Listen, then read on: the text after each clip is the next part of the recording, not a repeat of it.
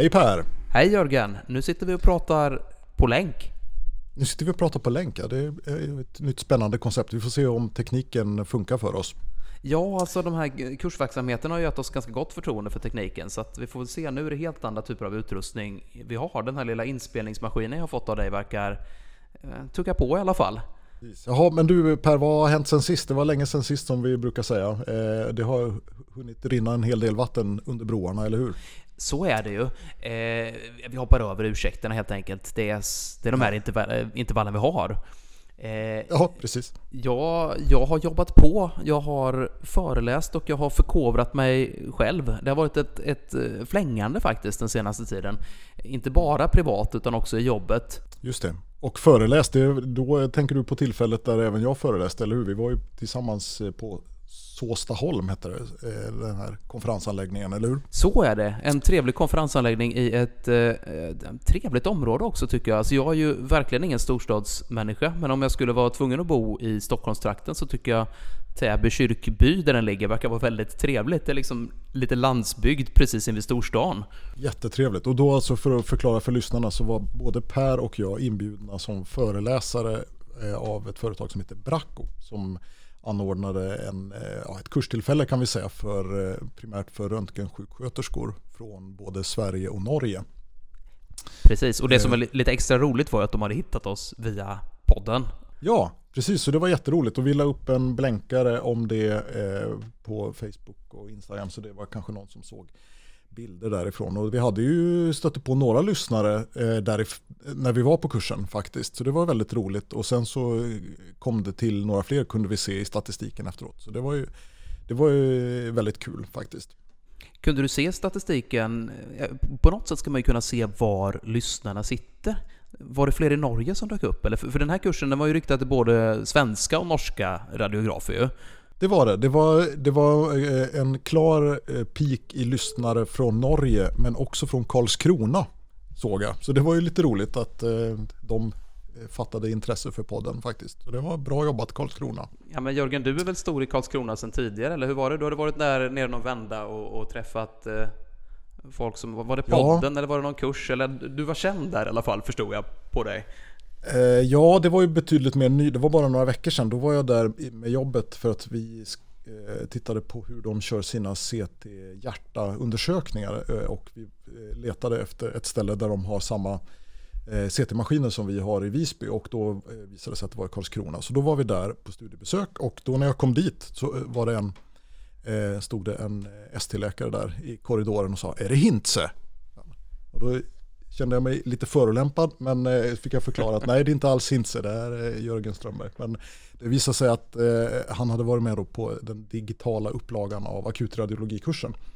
Okej, så han kände igen ditt vackra anlete från, från... Ja, han kände igen mig men hade blandat ihop oss då. Men eh, så, det var jättekul.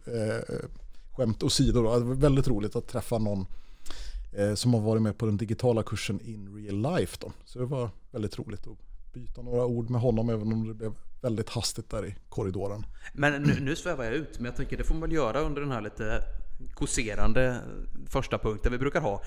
Ska du börja titta på eh, Se till hjärta, kranskärl? Eh, ja, det kommer jag nog eh, åka på, eller på att säga. Men det ska bli roligt att lära sig något nytt. Jag har varit och nosat på det någon gång förut när jag var och randade mig på thorax och sen så har det väl liksom aldrig blivit varit aktuellt att titta på det där jag har jobbat sedan dess. Men nu ska metoden införas då på, på Gotland. Så då tittar vi på ja, teknik och metod och samarbete med hjärtmottagning och, och sådär för att få de undersökningarna att funka. Så det ska bli väldigt roligt. Ja men det är väl en metod som är ökande. Lite om den här numera uttjatade med prostatundersökningen i, i, i, i poddsammanhang. När, när, när det väl slår igenom så blir det liksom inbillar jag mig då, även i det här fallet, ganska snart en del i standardutredningen av patienter med möjliga hjärtbesvär ja. så att säga. Så att då, då, då, finns en väldigt stor potentiell volym av patienter eftersom sjukdomen i sig är, är, så vanlig. Så är det säkert och det kanske blir bra som omväxling då för du, nu har du kört MR prostata-tema några gånger så då kanske jag får snöa in lite på CT hjärta och ha det som återkommande tema i podden. Ja, men det, det, det, ska du få göra, men då kan du få förbereda dig lite först. Så det kan vi släppa idag, tänker jag. Så snäll är jag. Ja, ja, men det tycker jag. Men du, det, eh, då har vi avhandlat den här Bracco-kursen och studiebesök i Karlskrona. Sen hade du varit iväg eh, i, till Lissabon, eller hur? Det stämmer. Jag gick, eh, känner du till organisationen ESCAR? Ja, det gör jag. European ja. Society of Gastro and Abdominal Radiology. Det är ju en, eh, vad ska man säga, europeisk organisation som eh, utbildar inom gastroabdominell radiologi, det hör man ju på namnet. Jag har gått på några av deras kurser innan. Det är eh, väldigt bra komprimerad information. Det brukar vara två kurser som lite turnerar runt om i Europa. Jag har gått kursen om pankreas och kursen om lever. Men nu var det deras årliga kongress. Ja. Så det var ju mer, du har varit på, på RSNA eller liknande någon gång va? Ja, det har jag vid några tillfällen. Jag har inte varit på någon Eskar-kurs däremot. Nej men det här var lite...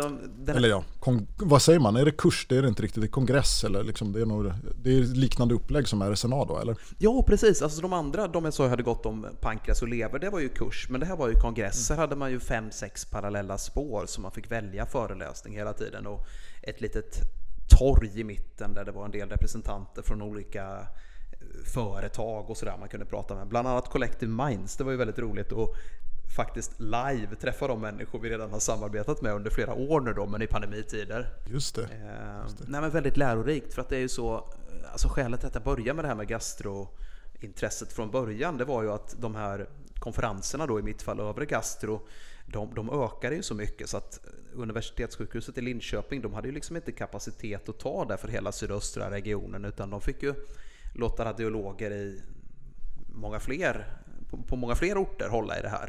Och det är klart mm. att då börjar man ju plötsligt få frågor som man är ganska ovan vid att, att få, liksom om staging av esofaguscancer eller, eller vad det nu kan vara. Va?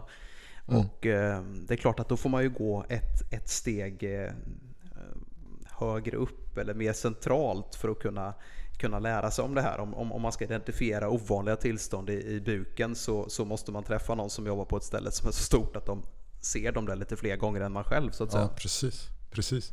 Alltså, vad tyckte du om, om ESGAR-kongressen då? Om, om man nu är intresserad av eh, gastro eller abdominell radiologi och inte har varit på det förut, är det någonting du kan rekommendera? Ja, men verkligen. Överlag var det jättebra. Sen får man ju se till att välja, välja sina föreläsningar. De har olika typer då. Eh, Escar School of Radiology tyckte jag var väldigt bra. Då liksom gick de igenom State of the Art, ett speciellt ämne eh, mm. från grunden. Så fanns det ju lite mer sådana här forskningssessioner och jag kände Eh, jag kände lite att jag hade ett, eh, ett bonnaradiolog moment där. Om du förstår. okay. var, var, det inte någon sån journalist som fick något Jimmy moment? Det handlade om något med Jimmy Åkesson. Det var något hon, hon en politisk motståndare till honom som förstod något han hade tyckt ja, i något det. sammanhang. Liknelsen haltar ju, för jag, det, var inte, det var inte så att jag liksom ändrade. Jag, jag var ju bonnaradiolog redan från början, men just när man sitter då på en föreläsning som handlar om att leta efter peritoneal karcinos vid ventrikelcancer. Ja. Och så vet så är det långa dragningar, mycket siffror och jämförelser. Är det, är det bäst att göra PET-CT eller ska man göra någon sorts helkroppsdiffusion eller sådär? Massa siffror, en timma. Och så, mm. på, på, slutet så konkluderar de att ja, fast det, det är ändå liksom laparoskopi som gäller om man verkligen ska vara säker. Så att då kan man liksom slänga allt det där över bord. Och då kände jag att det är precis det här man inte vill ha som bonaradiolog så att säga. Va? Ja, här är jättemycket forskning men det är ingenting som ändrar hur vi agerar i klinisk praxis. Jag skulle gått till salen bredvid istället liksom. Det... Ja.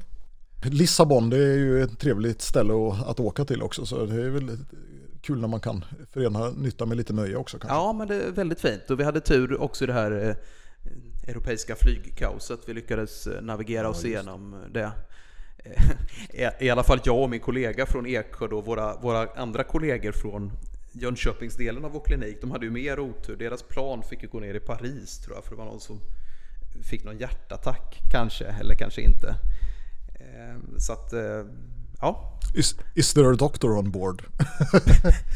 All, alla dina kollegor anmälde sig omedelbart förstås. Ja, det förtäljer inte historien, men det var ingen som hade några hjältedåd att redogöra för i alla fall. Det medlades upp som problem på resan så att jag tror inte de var inblandade. Mm. Och du då, du har också varit utomlands på, på kurs? Ja, inte fullt lika exotiskt resmål som Lissabon kanske, men jag, jag åkte åkte österut till eh, Helsingfors och eh, Nordtur-kursen eh, som då avhandlade trauma denna omgång. Så det var väldigt trevligt och alltid roligt att få en liten uppdatering om vad som hänt sen sist. Det var ett, ett antal år sedan jag var på på den kursen som ju alltid brukar vara bra tycker jag. Du har väl också varit på den tidigare, eller hur? Ja, men det har jag. Men du får gärna uppdatera våra lyssnare också. Alla är ju kanske inte med på Nordtur, vad är det för någonting? Ja, eh, det står väl för Nordic Trauma and Emergency Radiology tror jag och då har de då i alla fall pre-covid eller om man tänker bort covid så är konceptet att de har en kurs per år där vartannat år så är fokus på traumaradiologi och vartannat är på emergency, alltså icke-traumatisk akutradiologi. Då. Eh, och i år var det då traumaradiologi eh, och nu var det traumaradiologi i alla fall då, i Helsingfors. Så det var eh, väldigt trevligt. Eh, det eh, kommer ju föreläsare från alla möjliga olika länder och bland annat flera föreläsare från USA och de brukar generellt vara väldigt duktiga på att föreläsa. Och så var det den här gången också. Och sen alla föreläsare är ju duktiga på sitt område. Men det, jag vet inte vad det är de gör där borta på andra sidan Atlanten. Men de har ju en förmåga att vara otroligt duktiga på att föreläsa ofta. Och liksom sammanfatta och hamra in en poäng på ett bra sätt. Så att, eh, nej, men det var väldigt trevligt. Och sen vi pratade om att vi eh, träffade eller har stött på kursdeltagare och så. Så var det ju faktiskt i Helsingfors också. Där var det flera eh, kursdeltagare från en tidigare omgång av akutradiologikursen. Eh, och då, det här är då personer som gör ST i Sundsvall som jag stötte på. Så det var jätteroligt att träffa dem eh, live och vi fick tillfälle att umgås lite grann där och pratas, pratas vid. Så väldigt kul faktiskt. Nytta och nöje där också med andra ord? Nytta och nöje där också. Men, men, du, jag har funderat lite på det här också med, vi var ju inne på samma sak i det allra första avsnittet av Röntgenpodden, det här med amerikanerna och deras föreläsnings...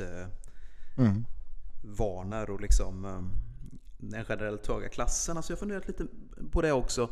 Dels tror jag de har en, en, kultur där borta där det är viktigt med undervisning och att det gör sitt till. Men jag tror också det är Alltså, när jag var på ESKA då så var det ju föreläsare från vitt skilda länder inom Europa och alltså man märker att de från anglosaxiska länder har en fördel.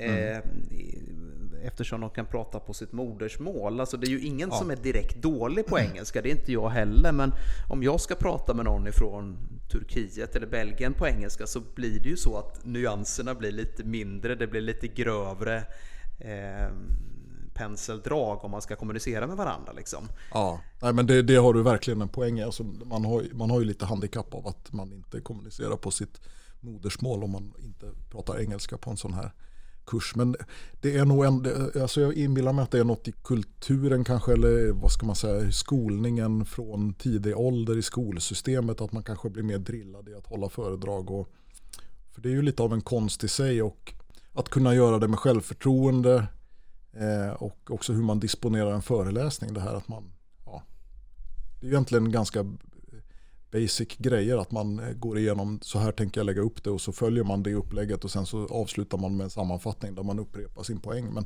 sådana enkla grejer liksom gör ju att det blir väldigt eh, tacksamt som åhörare att lyssna på föreläsningen. Helt klart.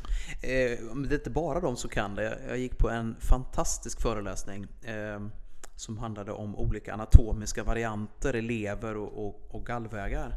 Och då mm. hölls det av någon, någon professor ifrån Turkiet. Och jag tänkte hur ska det här gå? Men alltså det var en briljant engelska. Jag tror han måste ha studerat på något av de stora universiteten nere i, ja, borta i USA eller i England kanske.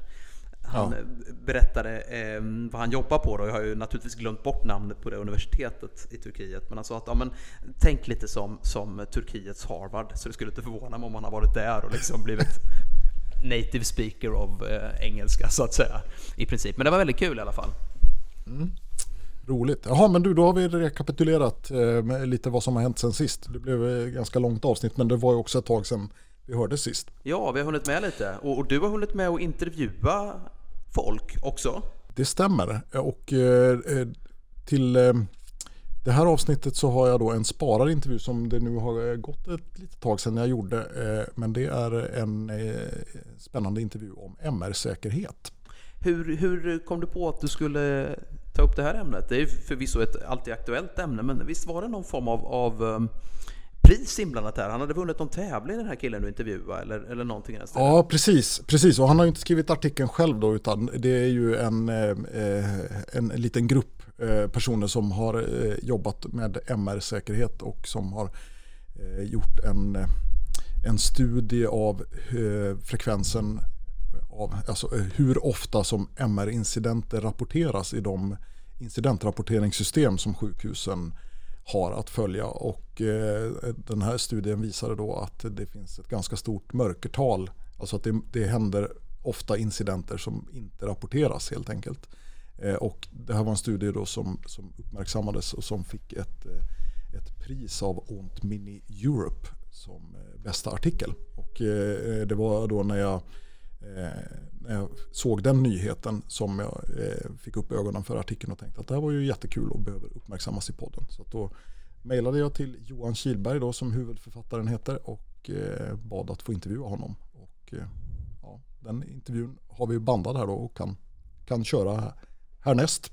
Ja men det ska vi göra, men innan dess så kan vi väl... Eh, alltså, det här ämnet tycker jag är väldigt intressant för att man kan ju titta på Youtube och då ser man de här pedagogiska experimenten med någon vattenmelon inne i mm. MR Gantrit och någon ferromagnetisk projektil som slår sönder den och man hör liksom om de här riktiga katastroferna. Men jag tänker att eh, jag är inte förvånad över att det finns ett mörkertal för det finns väldigt mycket människor där ute med olika typer av metall i kroppen och det är nog sällan ja. det går så illa men jag tycker alltid det är svårt att veta vad man ska svara när det ringer någon sköterska från ML-lab och säger att nu ska vi göra en undersökning av det här och det här organet och där och där finns det visst någon form av mm. protes eller i värsta fall någonting annat och det är insatt 1988 i Beirut.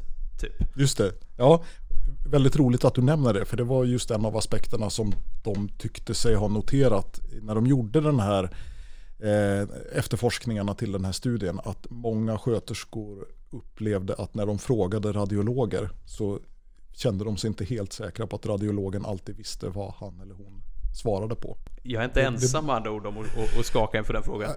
Nej, uppenbarligen inte. Absolut inte. Och jag kan ju själv känna igen mig i det också. Men eh, nu jobbar jag inte så där jättemycket med, med MR. Så att det ställs inte så ofta inför den frågan. Nej, men det är likadant med mig. Jag jobbar heller inte så mycket med den aspekten. Utan vi har ett par kollegor som, som är jättebra på det. Men, men när ingen av de två är i tjänst så blir det ju någon annan liksom, som, som får hantera det. Ja.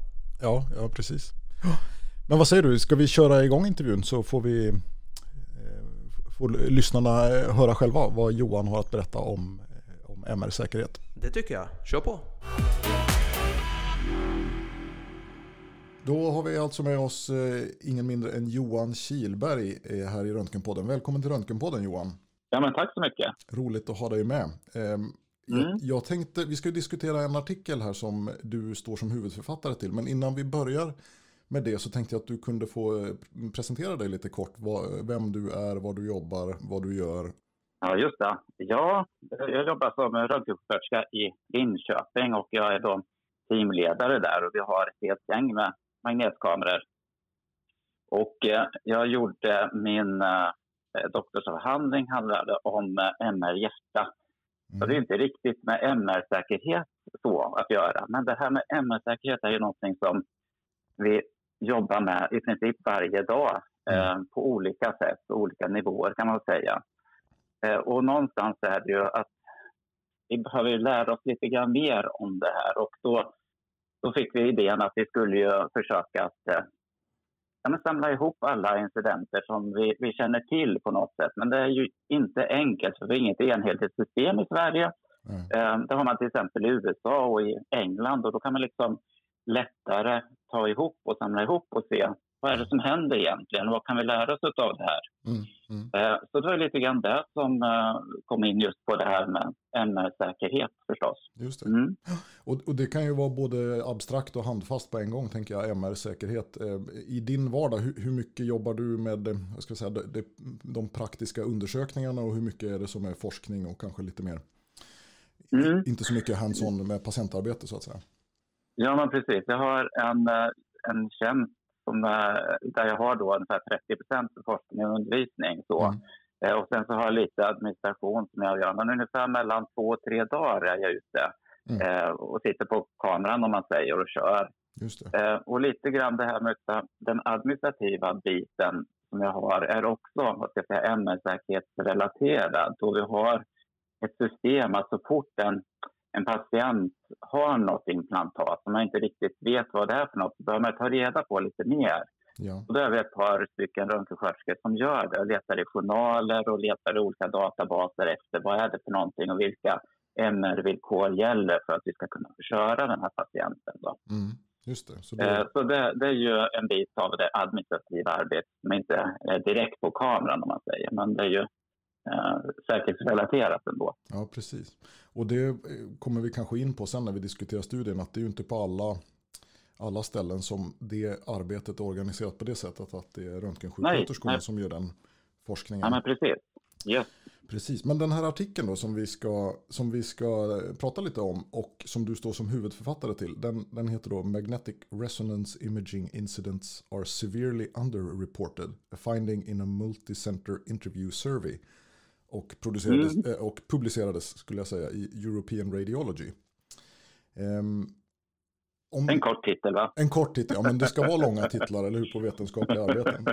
Det, ja, Ju längre titel, desto bättre kvalitet på studien. Är det inte så? Kanske är det så. Ja, ja just det. Eh, vill du berätta lite eh, övergripande om hur studien är upplagd och vad det var som ni ville, eh, ville ta reda på i studien?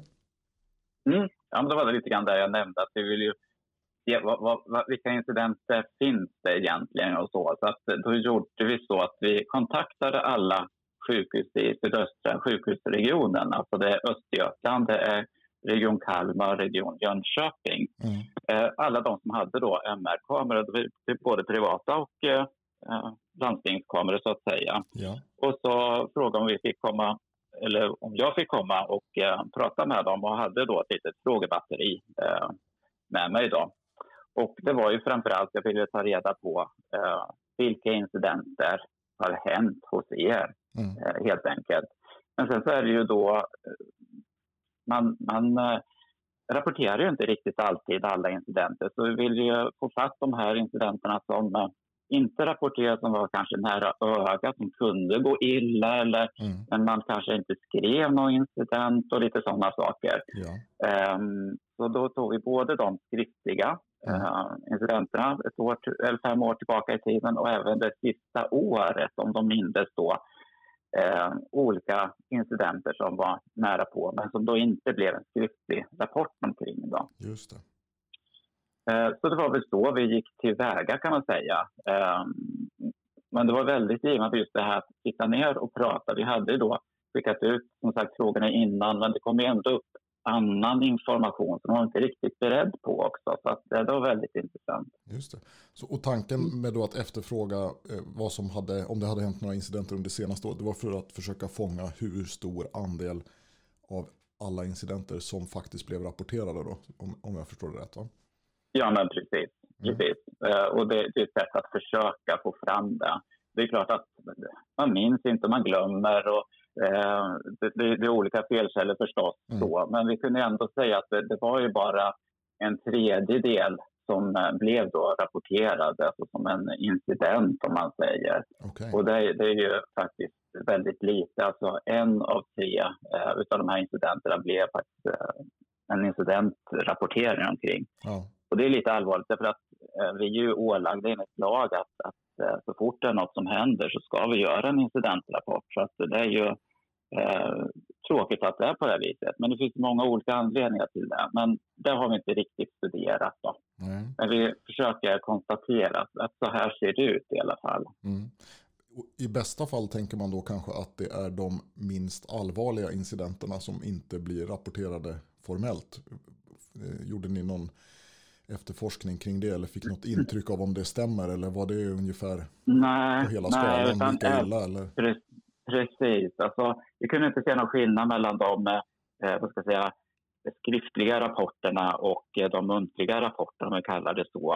Um, eh, vad, vad, gäller hur illa det kunde gått, eh, hur allvarlig de är eller risken för att det skulle kunna hända igen eller några sådana saker. Det, det var liksom eh, lika illa i båda grupperna så kan man säga. Okej, okay. ja, det är ju väldigt intressant. mm. observation. Skulle du kunna ge några exempel bara som för, för, att ge en bild av vad för typ av incidenter det är som, som kan inträffa som inte blir rapporterade? Ja, ja men det var ju då till exempel någon patient som hade då eh, underbensprotes. Mm. Eh, och patienten var väl inte riktigt eh, kontaktbar, hade väl en stroke eller så som man skulle göra då, mm. eh, MR-hjärna. Eh, men när man kom in då i tunneln då, då, då, då flög hela underbenet, hela benet upp och fastnade liksom i, i, tunnelöppningen och då mm. upptäckte man alltså att det var en protes så att säga. Mm. Eh, och eh, patienten eh, märkte väl inte av det här så mycket för den var väl ganska eh, medvetslös kanske till och med. Men det, det, är väldigt allvarligt så att man inte hade då eh, kanske undersökt patienten bättre eller tagit av och, och hur ser det ut här egentligen så. Eh, och andra fall var det att de patienter kom in i rummet och först när patienten var inne i rummet så började man prata alla har ju sådana frågeformulär där man går igenom och det är jättebra. Så att det, det ju, sköt man ju väldigt bra. Men man gjorde det ganska sent och patienten var redan inne i rummet och då mm. upptäckte man att patienten hade en pacemaker. Mm. Och vissa pacemaker kan då bli riktigt påverkade av själva magnetfältet som sådant. Så det, det kunde ju ha gått riktigt illa så. Mm. Så det är några av exempel som, som hände så. Mm. Intressant. Jag tänkte också på, eh, noterade ni om det var någon systematisk skillnad mellan olika regioner till exempel? Så att det generellt kunde vara bättre i region X än i region Y? Eller om, om det i så fall fanns några eh, bakomliggande arbetssätt eller så som skulle kunna förklara en sån skillnad? Ja, nej, vi försökte nog titta på det, men det, det är inte jättestort material så ska vi säga. Totalt mm. är det bara 13 sajter så att det är svårt att säga mm. om det ena beror på det andra. Men vi försökte titta på till exempel om man har fysikertillgång, med fysiker som kan hjälpa till och stötta eller om man eh, känner sig trygg med, med, med själva arbetssättet man, man har omkring ämnet. Mm. Men, men vi, vi kunde inte se några direkta skillnader mellan regionerna direkt så. Eh, däremot så kunde vi se att, att finns det fysiker. Det finns några som har lite högre tillgång till fysiker och då känns det som, eller det verkar som att det händer färre incidenter. Okay. Eh, men, men det är ju ändå ett, ett litet material så det är svårt att dra eh, riktiga slutsatser av det. Då skulle man vilja ha många, många fler sajter mm. kolla på. Och vad innebär tillgång till fysiker i det här fallet? Då? Det är att det, är, eh, att det finns en fysiker tillgänglig på plats som är gripbar så att säga när man ställs inför en fråga? Mm, nej, inte nödvändigtvis, men vi, vi räknade på hur många fysiker som fanns eh, som man kunde nå och okay. eh, då dela tjänster eh, med magnetkamera om man säger. Ja, så man kanske får en, en del av en tid. Men det, det speglar lite grann att, att ha, finns det personer, finns det fysiker, MR-fysiker som man kan ringa eh, och stötta eh, om det skulle vara så att man har någon fråga omkring eh, typ implantat eller något som dyker upp eller så. Just precis. Eh, och då verkar det som att man har då Eh, eh, lite mindre risk att det händer något. Och det kan ju ha också med att då kanske man är mer, mer utbildad, man kanske eh, är, känner sig tryggare i miljön. Man kanske, ja, det kan finnas många anledningar till att, att det har blivit så. Så, så att de anledningarna vet vi inte riktigt med säkerhet. Men vi kan konstatera att, att det blev lite bättre i alla fall när man hade tillgång till MR-fysiker. Ja, just det. Du nämnde det här med, med utbildning och eh, kunskapsnivå och så. Och det frågade ni också om, förstår jag. Eh, mm. Vad kom ni fram till, eller vad fick ni reda på där? Jo, där man... Dels att de, de flesta MR-sköterskor har... De, de, är, de som jobbar med MR har utbildning för det. Mm. Eh, så att det är nummer ett och det känns väldigt tryggt. Eh, de flesta har också någon form av eh, påbyggnadskurs, universitetskurs på kanske fem eller sju och en halv poäng eller något sådant. Mm. Och det känns ju också väldigt bra. Men när vi börjar titta på um, tydliga parametrar som man kan göra för att göra inställningen lite säkrare, till exempel om man har en form av aktivt implantat, till exempel antingen en pacemaker, en, smärtpump eller eh, något sådant, så kan man ibland behöva ställa in magnetkameran och då hade vi fem stycken parametrar och då frågade vi omkring de här, känner ni till de här parametrarna och hur man kan använda dem? Yeah. Och då var det väldigt få som kunde det faktiskt. Så att det, även om man har en, en formellt bra utbildning så mm. kan man kanske inte alltid i praktiken de här senaste inställningarna som kanske skulle behövas för att kunna göra säkra undersökningar med magnetkameror. Ja. Och fick ni någon uppfattning om den här faktiska kunskapsnivån, hur, det, hur den speglade den självuppfattade kunskapsnivån om man säger så? Eller var, var, var de intervjuade medvetna om de här kunskapsbristerna eller tyckte man att den är med och jobba som vanligt, eh, det går bra ungefär? Eller? Ja, ja, både och så. En, en del eh, tyckte att nej, men det, det, där spelar ingen roll. Mm. Eh, vi kan ju göra undersökningar i alla fall. Men andra tycker att nej, men det, det här... Det, det, jag ska säga de flesta tyckte ändå att vi behöver lite mer utbildning och lite mer, ska säga, praktisk eh, utbildning. Lite grann, hur ska man göra i de här olika situationerna när det här och det här dyker upp och, och sådana saker. Eh, och det är svårt att läsa i en bok eller eh, universitetspoäng till. Ja, ja, det förstår jag. Eh, du nämnde att ni satt, det blev också så lite informella samtal och det dök, dök, upp saker och så som kanske inte ni egentligen siktade efter att ta reda på i själva intervjun. Kan du berätta om ja, sådana generella intryck som du fick från, från intervjuerna? Om återkommande jo. synpunkter eller så? Ja, jo, men dels var det lite grann det här med, med utbildningen. De, de, sa ju att de hade ändå bra utbildning, men, men jag skulle gärna vilja veta mer om det här och det här och, och lite sådana saker. Så att, mm. eh, det, det kom ju. Men sen också, vad ska jag säga, vi arbetar ju i team förstås kring MR-säkerhet. de som kör operatörerna, så oftast är röntgensjuksköterskor, de, kan ju det praktiska väldigt bra och så. Mm. Men sen så stöter man på det här att ja, men, eh, nu, nu kommer det något konstigt implantat eller något som vi inte riktigt vet eh, hur jag ska göra inställningar eller det kanske är så en stor risk att det faktiskt kanske skadar patienten eller så. Då frågar man ju alltid radiologen, för det är radiologen som har det yttersta medicinska ansvaret förstås. Mm. Mm där kände då eh, 12 av 13 som jag tillfrågat att de, de, visste inte riktigt om radiologen i fråga hade den kunskapen. De kände sig osäkra där mm. eh, och inte riktigt trygga så. Om det sen att det faktiskt var att radiolog kanske inte har kunskapen eller att kommunikationen är fel eller eh, något annat i miljön, det vet vi inte riktigt. Men det speglar ändå det här att att man känner sig inte trygg i eh, arbetsuppgifterna mm. eh, och som har då med eh, samarbetet att göra. Det. Och det, det, tror jag att vi, vi behöver bli duktigare på. Eh, att jobba tillsammans helt enkelt. Mm, det låter ju som ett eh, område som skulle kunna vara intressant för en utvidgad studie. Att eh, göra motsvarande intervjuer med radiologer då. En, en kunskapskoll och hur, hur radiologer som har de här arbetsuppgifterna uppfattar sin egen kunskapsnivå och så. Ja men, ja, men precis. Ja, men det är helt rätt. Och vi tänkte nog inte riktigt på det när vi startade det här. Utan tänkte att det här är ju mest eh, sjuksköterskor som är involverade. Kanske delvis då fysiker om det finns några sådana. Mm. Men det här kom ju upp liksom att, eh, som en del eh, som vi inte var riktigt beredda på. Och det skulle vara absolut jätteintressant att höra där. Mm. Eh, och hur kan man då stötta i förlängningen förstås. Då? Just det. Apropå uppföljande studier så förstod jag det som att eh, ni tänker göra en, eh, en uppföljare av den här studien. Eh, visst var det så?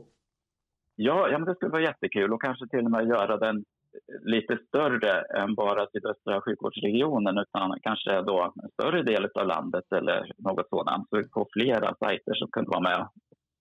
Det var jättespännande att se. Ja, just det. Och eh, skulle det vara tänkbart att man går in med någon sån här kunskaps, alltså utbildningsinsats eller så och ser hur värdena förändras efter att man har gjort en sån drive? Ja, ja men precis. Um, vi har börjat med uh, vad ska jag säga, kunskaps eller vad ska jag, utbildningsinsats om man säger så. vi, uh, vi hade en kurs i, uh, i Lund 2020. Ja. Uh, I mars, precis innan corona. Det var det sista vi fick göra mm. innan, mm. innan allt stängdes ner. Och då handlar det just om MR-säkerhet och det var Svensk förening för som arrangerade den. Ja. Eh, och då hade vi, det var väl ett drygt hundratal deltagare från olika, det var olika professioner. Det var då röntgensköterskor, det var även BMA, det var eh, radiologer, det var MR-fysiker, ja, eh, även tekniker var med. Så, mm. det, det, var ju väldigt spritt om man säger så, eh, professionerna. Och vi, vi pratar just mycket om MR, eh, säkerhet hands-on. Hur ska vi göra olika tillfällen? Hur gör olika sjukhus och vilka rutiner finns det för att kunna ja, hjälpa varandra och stötta varandra. Så. Det. Och det där mynnar ju ut att, att man tyckte att det borde finnas nationella riktlinjer. Eh, men hallå, alla ska väl inte uppfinna hjulet liksom. Eh, och det tog vi fasta på så att vi har bildat en grupp eh, från med då hjälp från de olika riksföreningarna. Så dels Svensk förening för röntgensjuksköterskor, mm. men även då Svensk förening för medicinsk radiologi, alltså radiologyrkesgruppen och även Svensk förening för radiofysik. Eh, och tillsammans har vi en arbetsgrupp med tio stycken eh, deltagare som ska försöka jobba fram då lite rekommendationer just för svenska förhållanden. Okay. Mm. Eh, och det finns ju amerikanska förstås. ACR har gett ut väldigt detaljerade, men de har en helt annan, vad ska jag säga, miljö och annan lagstiftning och mm. ett annat system kan man säga av hälso och sjukvården. Storbritannien har också eh, gett ut rekommendationer eh, som är väldigt detaljerade men det har också lite annorlunda approach än vad vi har. Och vi har ju våra, vår lagstiftning i Sverige förstås och, eh, som vi måste ta hänsyn till. Så det är lite grann det arbetet vi började med för ett år sedan faktiskt som vi hoppas på ska det är rekommendationer som vi ska presentera på Röntgenveckan i Göteborg i höst. Då. Mm, vad roligt. Den här kursen som du nämnde som ni körde då eh, 2020 sa du va? Mm. Eh, är det planerat någon uppföljning på den ifall det nu är så att vi har någon, någon röntgensjuksköterska som lyssnar på detta eller någon annan personalkategori för den delen som tycker att det här vore intressant att förkovra sig inom så att det finns chans att komma med på en sån kurs framöver? Ja, men precis. Vi ska vi satsa på januari 2023. Så att, eh, om eh, knappt ett år så ska vi göra en uppföljning, ungefär liknande kurs som vi hade i Lund då, mm. eh, torsdag, fredag, så att vi kan eh, ja, men göra ja, en fortsättningskurs helt enkelt. Eller ja, repetera ska vi säga egentligen, det mm. som vi gjorde i Lund. Eh, men också utgå från de rekommendationerna som vi förhoppningsvis har vara klara då. Så att, eh, mm. det, det, kommer bli tillfällen ja, till det. Vad roligt. Eh, jag tänkte höra med dig efter att ha gjort den här studien eh, till de av våra lyssnare som arbetar konkret och praktiskt med undersökningar på magnetkameran och som, som funderar på hur man kan bli bättre på MR-säkerhet lokalt. Har du några konkreta tips eller råd utifrån vad ni har kommit fram till i studien till, till en sån person? Mm.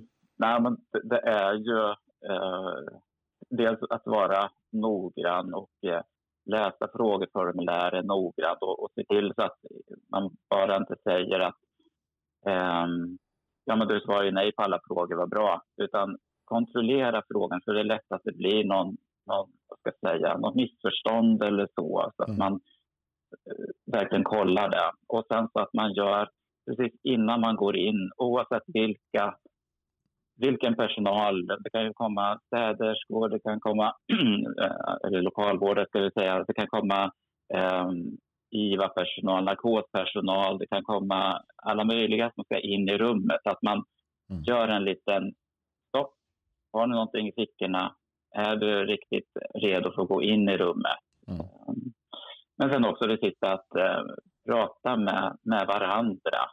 Eh, det är liksom inte ett solospel det här, utan det är teamwork. Eh, och eh, fråga radiologer eller fysiker som man har runt omkring sig också. Eh, så att man, man lär av varandra. Det tror jag också är väldigt viktigt. Ja, Jättebra, tack Johan. Innan vi slutar så tänkte jag så nu har vi pratat eh, länge och eh, väldigt intressant om, eh, om den här artikeln. Men vi har ju inte nämnt skälet till att den kanske fick lite extra spridning jämfört med vad den hade fått annars. Nämligen att eh, ni fick ett pris för den här artikeln, inte sant? Ja, men precis. Det var väldigt roligt. Ja, lite överraskande. Kan, kan, du inte berätta mm. lite om det priset? Ja, det är eh, ONT Mini, alltså det är ju världens största nätverk inom radiologi eller röntgen överhuvudtaget. Mm. Eh, som har då en europeisk eh, sektion eh, som ger ut då något som kallas för Euromini Minis Award. Eh, och de gör det varje år eh, och det är till, jag tror det är åtta kategorier.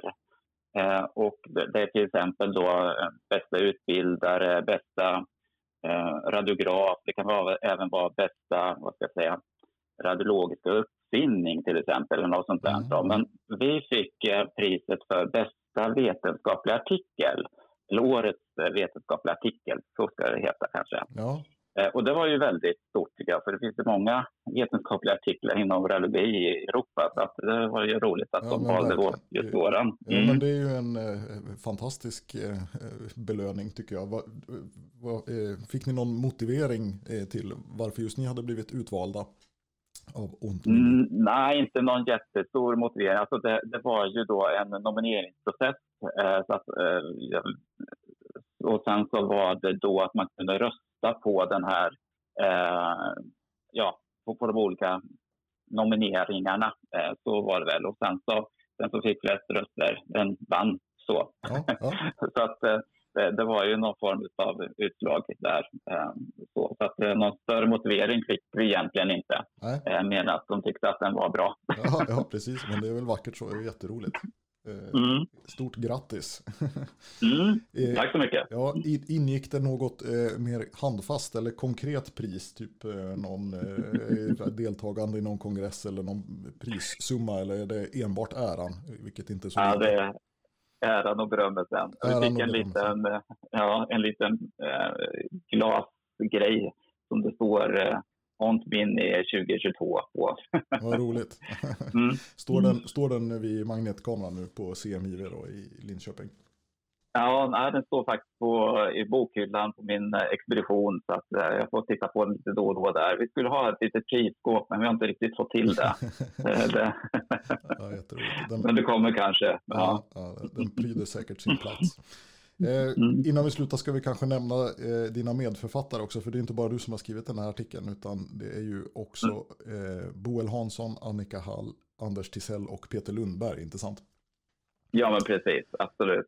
Och eh, Boel och Annika är ju då röntgensköterskor. Boel jobbar i Lund normalt sett, men hon har varit med i den här studien och eh, hjälpt till. Och eh, Anders och Peter är då MR-fysiker som eh, jobbar i eh, Linköping. Då. Så att, mm. det här är väl förstås ett teamwork. Ja, precis. Eh, är det någonting du vill eh, nämna innan vi avslutar här, eh, Johan? Eller? Ja, men det, det var jätteroligt att ni ringde upp och uppmärksammade det här. För att det är viktigt att vi alla lär oss lite mer omkring MR-säkerhet. Ja, precis. Fantastiskt roligt att du ville vara med i Röntgenpodden Johan och eh, också förstås att ni belönades med det här välförtjänta priset från Ont Mini. Det var jätteroligt. Grattis till er ifrån mm. från oss alla. Och tack för att du mm. ville vara med. Mm, tack för att jag fick vara med. Mm. Det var ett gediget arbete Jörgen och en intressant intervju att lyssna på. Ja, jättetrevligt att få tillfälle att prata med Johan och intressant att höra om studien de hade gjort också.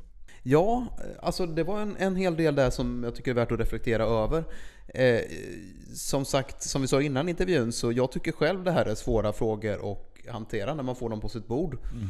Och eh, det kanske är för att man inte har någon egentligen formell utbildning i det. Jag saknar i alla fall sån. Man får liksom försöka bäst man kan och leta i lokala PM och olika databaser och då ska man fram något lösenord för att komma in i dem. Sådär.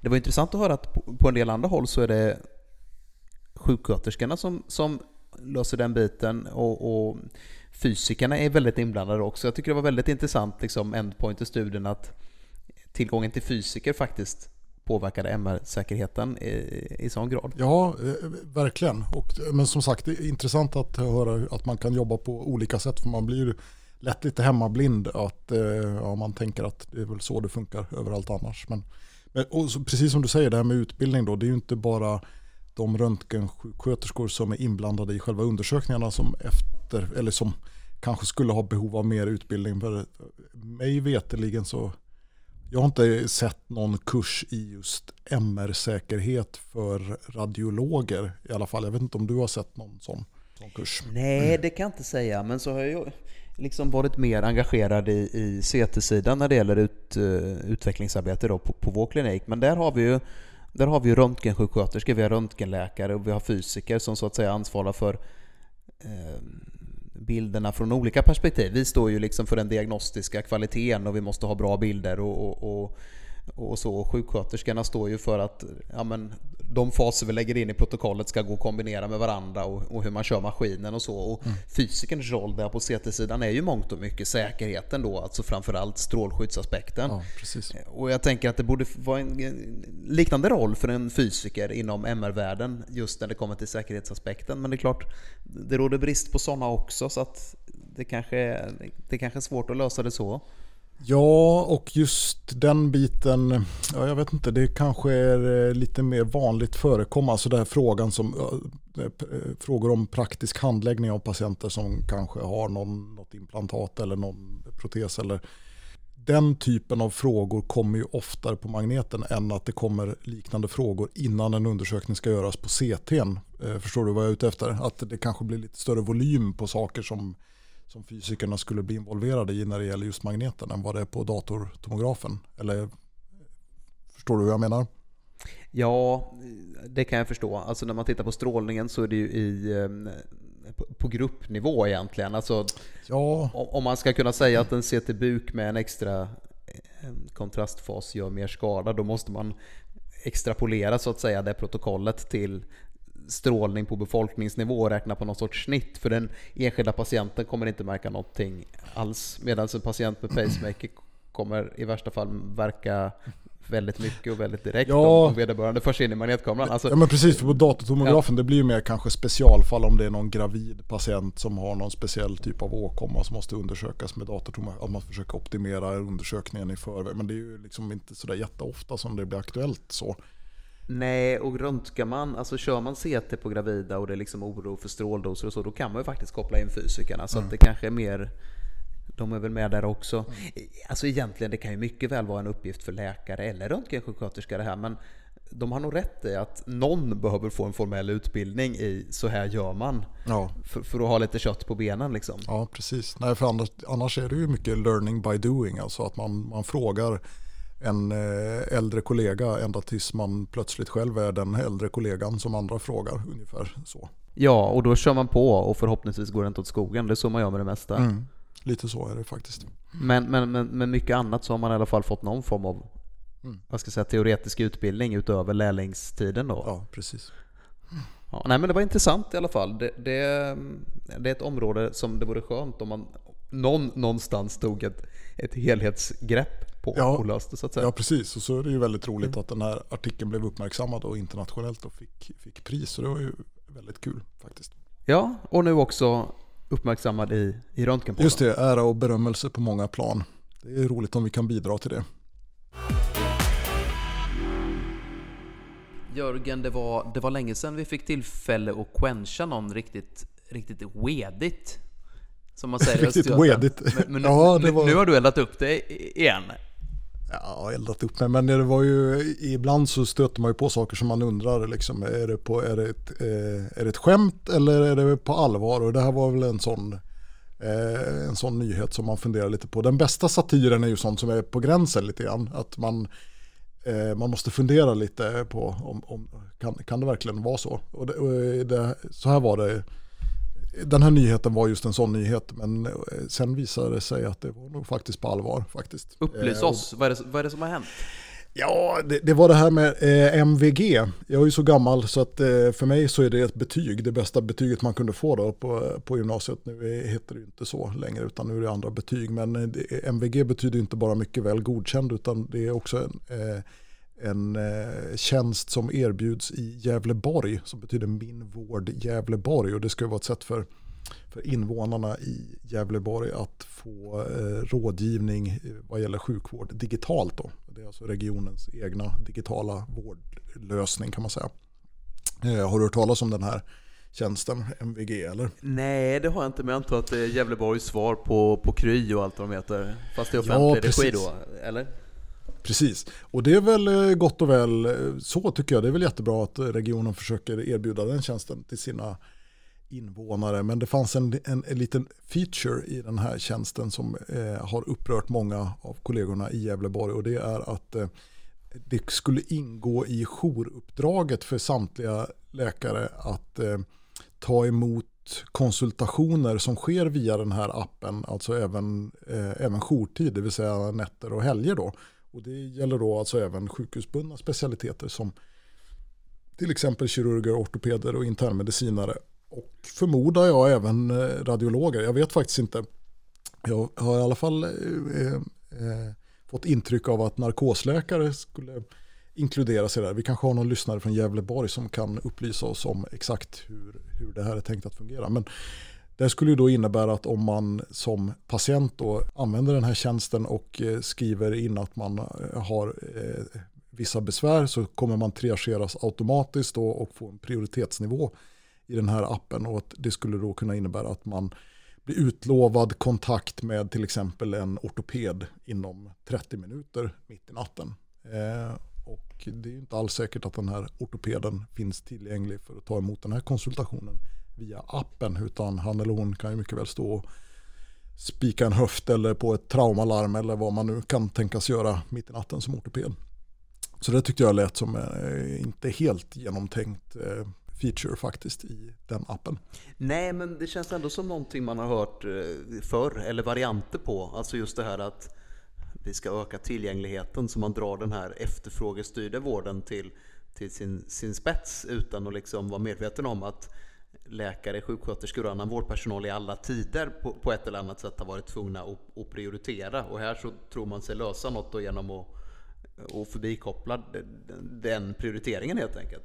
Ja, precis. Eller göra prioriteringen åt eh, läkaren i fråga. Och dessutom, naturligtvis så kommer det ju inte tillsättas några extra jourtjänster eller att man får någon form av avlastning för att kunna hantera det här uppdraget. Det är inte så att man har någon reservkollega som man då kan låta eh, fortsätta operera höften eller ta över eh, hjärtkompressionerna om man nu står på ett eh, hjärtlarm till exempel för att kunna svara på den här konsultationen. Utan det förväntas man ju lösa inom fintligt uppdrag så att säga. Så att, eh, ja, det är som vanligt nya uppgifter som landar i knät på en utan att man blir tillfrågad eller konsulterad. Står det någonting i den här artikeln du läste om, om vad det skulle kunna ha för bäring för oss radiologer eller får, lämnar man det liksom åt fantasin?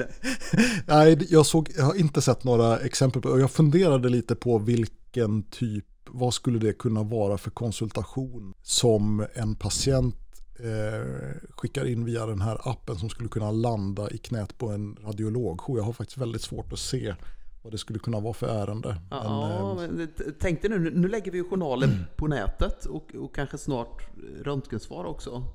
Det kan man ju ja. tänka sig att någon ringer och, och, och Spondylolys, Jörgen, vad, vad betyder det? Ja, precis. Eller kanske tänk dig ett läge där man börjar lägga upp bilder också. Så, så sitter patienten och granskar sina egna lugn och kanske. Ja, jag, jag, vet inte, jag, jag bara konfabulerar fritt här. Men, Just det, har jag cancer? ja, men alltså ställt på, på sin spets liksom. Här, här, här har du Jörgen nu mitt i natten sagt att malignitet kan inte uteslutas. Så nu har jag googlat malignitet och det betyder ju cancer. Har jag cancer Jörgen? Ja, men det kanske är så. Att det, som sagt, jag, jag, var ju lite fundersam på om det var ett skämt eller inte första gången jag läste om det här. Eh, och det var det ju inte. Så att, eh, det, kanske, det kanske kommer sådana frågor också. Vem vet? Ja, men det är ju en oro man måste respektera. Men det är förmodligen inte en oro som kommer att lösas genom ett samtal med radiolog mitt i natten. Nej, nej. men nu ska vi ärligt, det här är ju rena spekulationer från vår sida. Jag kan, har du fått något sånt samtal någon gång från någon patient? Alltså i, i tjänsten så att säga. Det har väl hänt att man kanske fått, haft någon anhörig eller någon granne eller sådär som har frågat om sina röntgenbilder eller röntgensvar och vad betyder det som står här och så har man fått titta på bilderna. Men jag kan nog inte påminna mig att det faktiskt är någon patient som har hört av sig med frågor nej, till mig nej, i tjänsten. för att det går ju den korrekta vägen. Det har ju hänt att kollegor ringer och, och frågar om någon formulering och så att patienten liksom pressar mm. mig. Vad menar du egentligen? jag tänker att det är precis så det ska funka. För att jag inbillar ja. mig att det finns ett mycket stort mörkertal av patienter som har läst sina röntgenutlåtanden. Sen har de gått till sin distriktsläkare som har sagt att eh, jaha, per, periventrikulära vitsubstansförändringar, ja men det, är sånt det är sånt man får med tiden och eftersom du är 89 år så hade jag inte oroat mig. Ja. Och någon enstaka gång bara ringer så att säga. Det, det, det är väl så det är tänkt att fungera. Nej, patienter själva, det är ju det skulle väl vara ultraljud då? Det har vi väl också poddat om i något av Röntgenpoddens eh, avsnitt va? Ja, det har du rätt i, men där, blir, där faller det sig lite mer naturligt. Alltså då brukar ju frågorna komma i samband med konsultationen så, där, så att man i, ja, i bästa fall kan, kan reda ut det face to face med patienten så att säga. Ja, man har en lite mer läkar-patientrelation som, som normala läkare höll på att säga. Även som radiolog ja. där ju, eller hur? Ja, precis. Nej, men så just det här MVG-påfundet då i Gävleborg, det kanske inte riskerar att drabba oss särskilt hårt. Det tror jag väl inte i alla fall. Men, men jag måste säga att jag har full sympati för våra kliniska kollegor som bara får en sån här uppgift eh, luftlandsatt i knät eh, utan, utan möjlighet att påverka det. Och det är liksom inte så svårt att se eh, situationer där man skulle bli fullkomligt vansinnig på att få liksom ett, ett uppdrag att nu ska du kontakta den här patienten inom tio minuter när du står på någonting som är mycket mer akut som du har, har för händerna och inte kan släppa. Nej, men då tycker jag vi låter sympatikvenchen vina helt enkelt. Ja, det tycker jag också.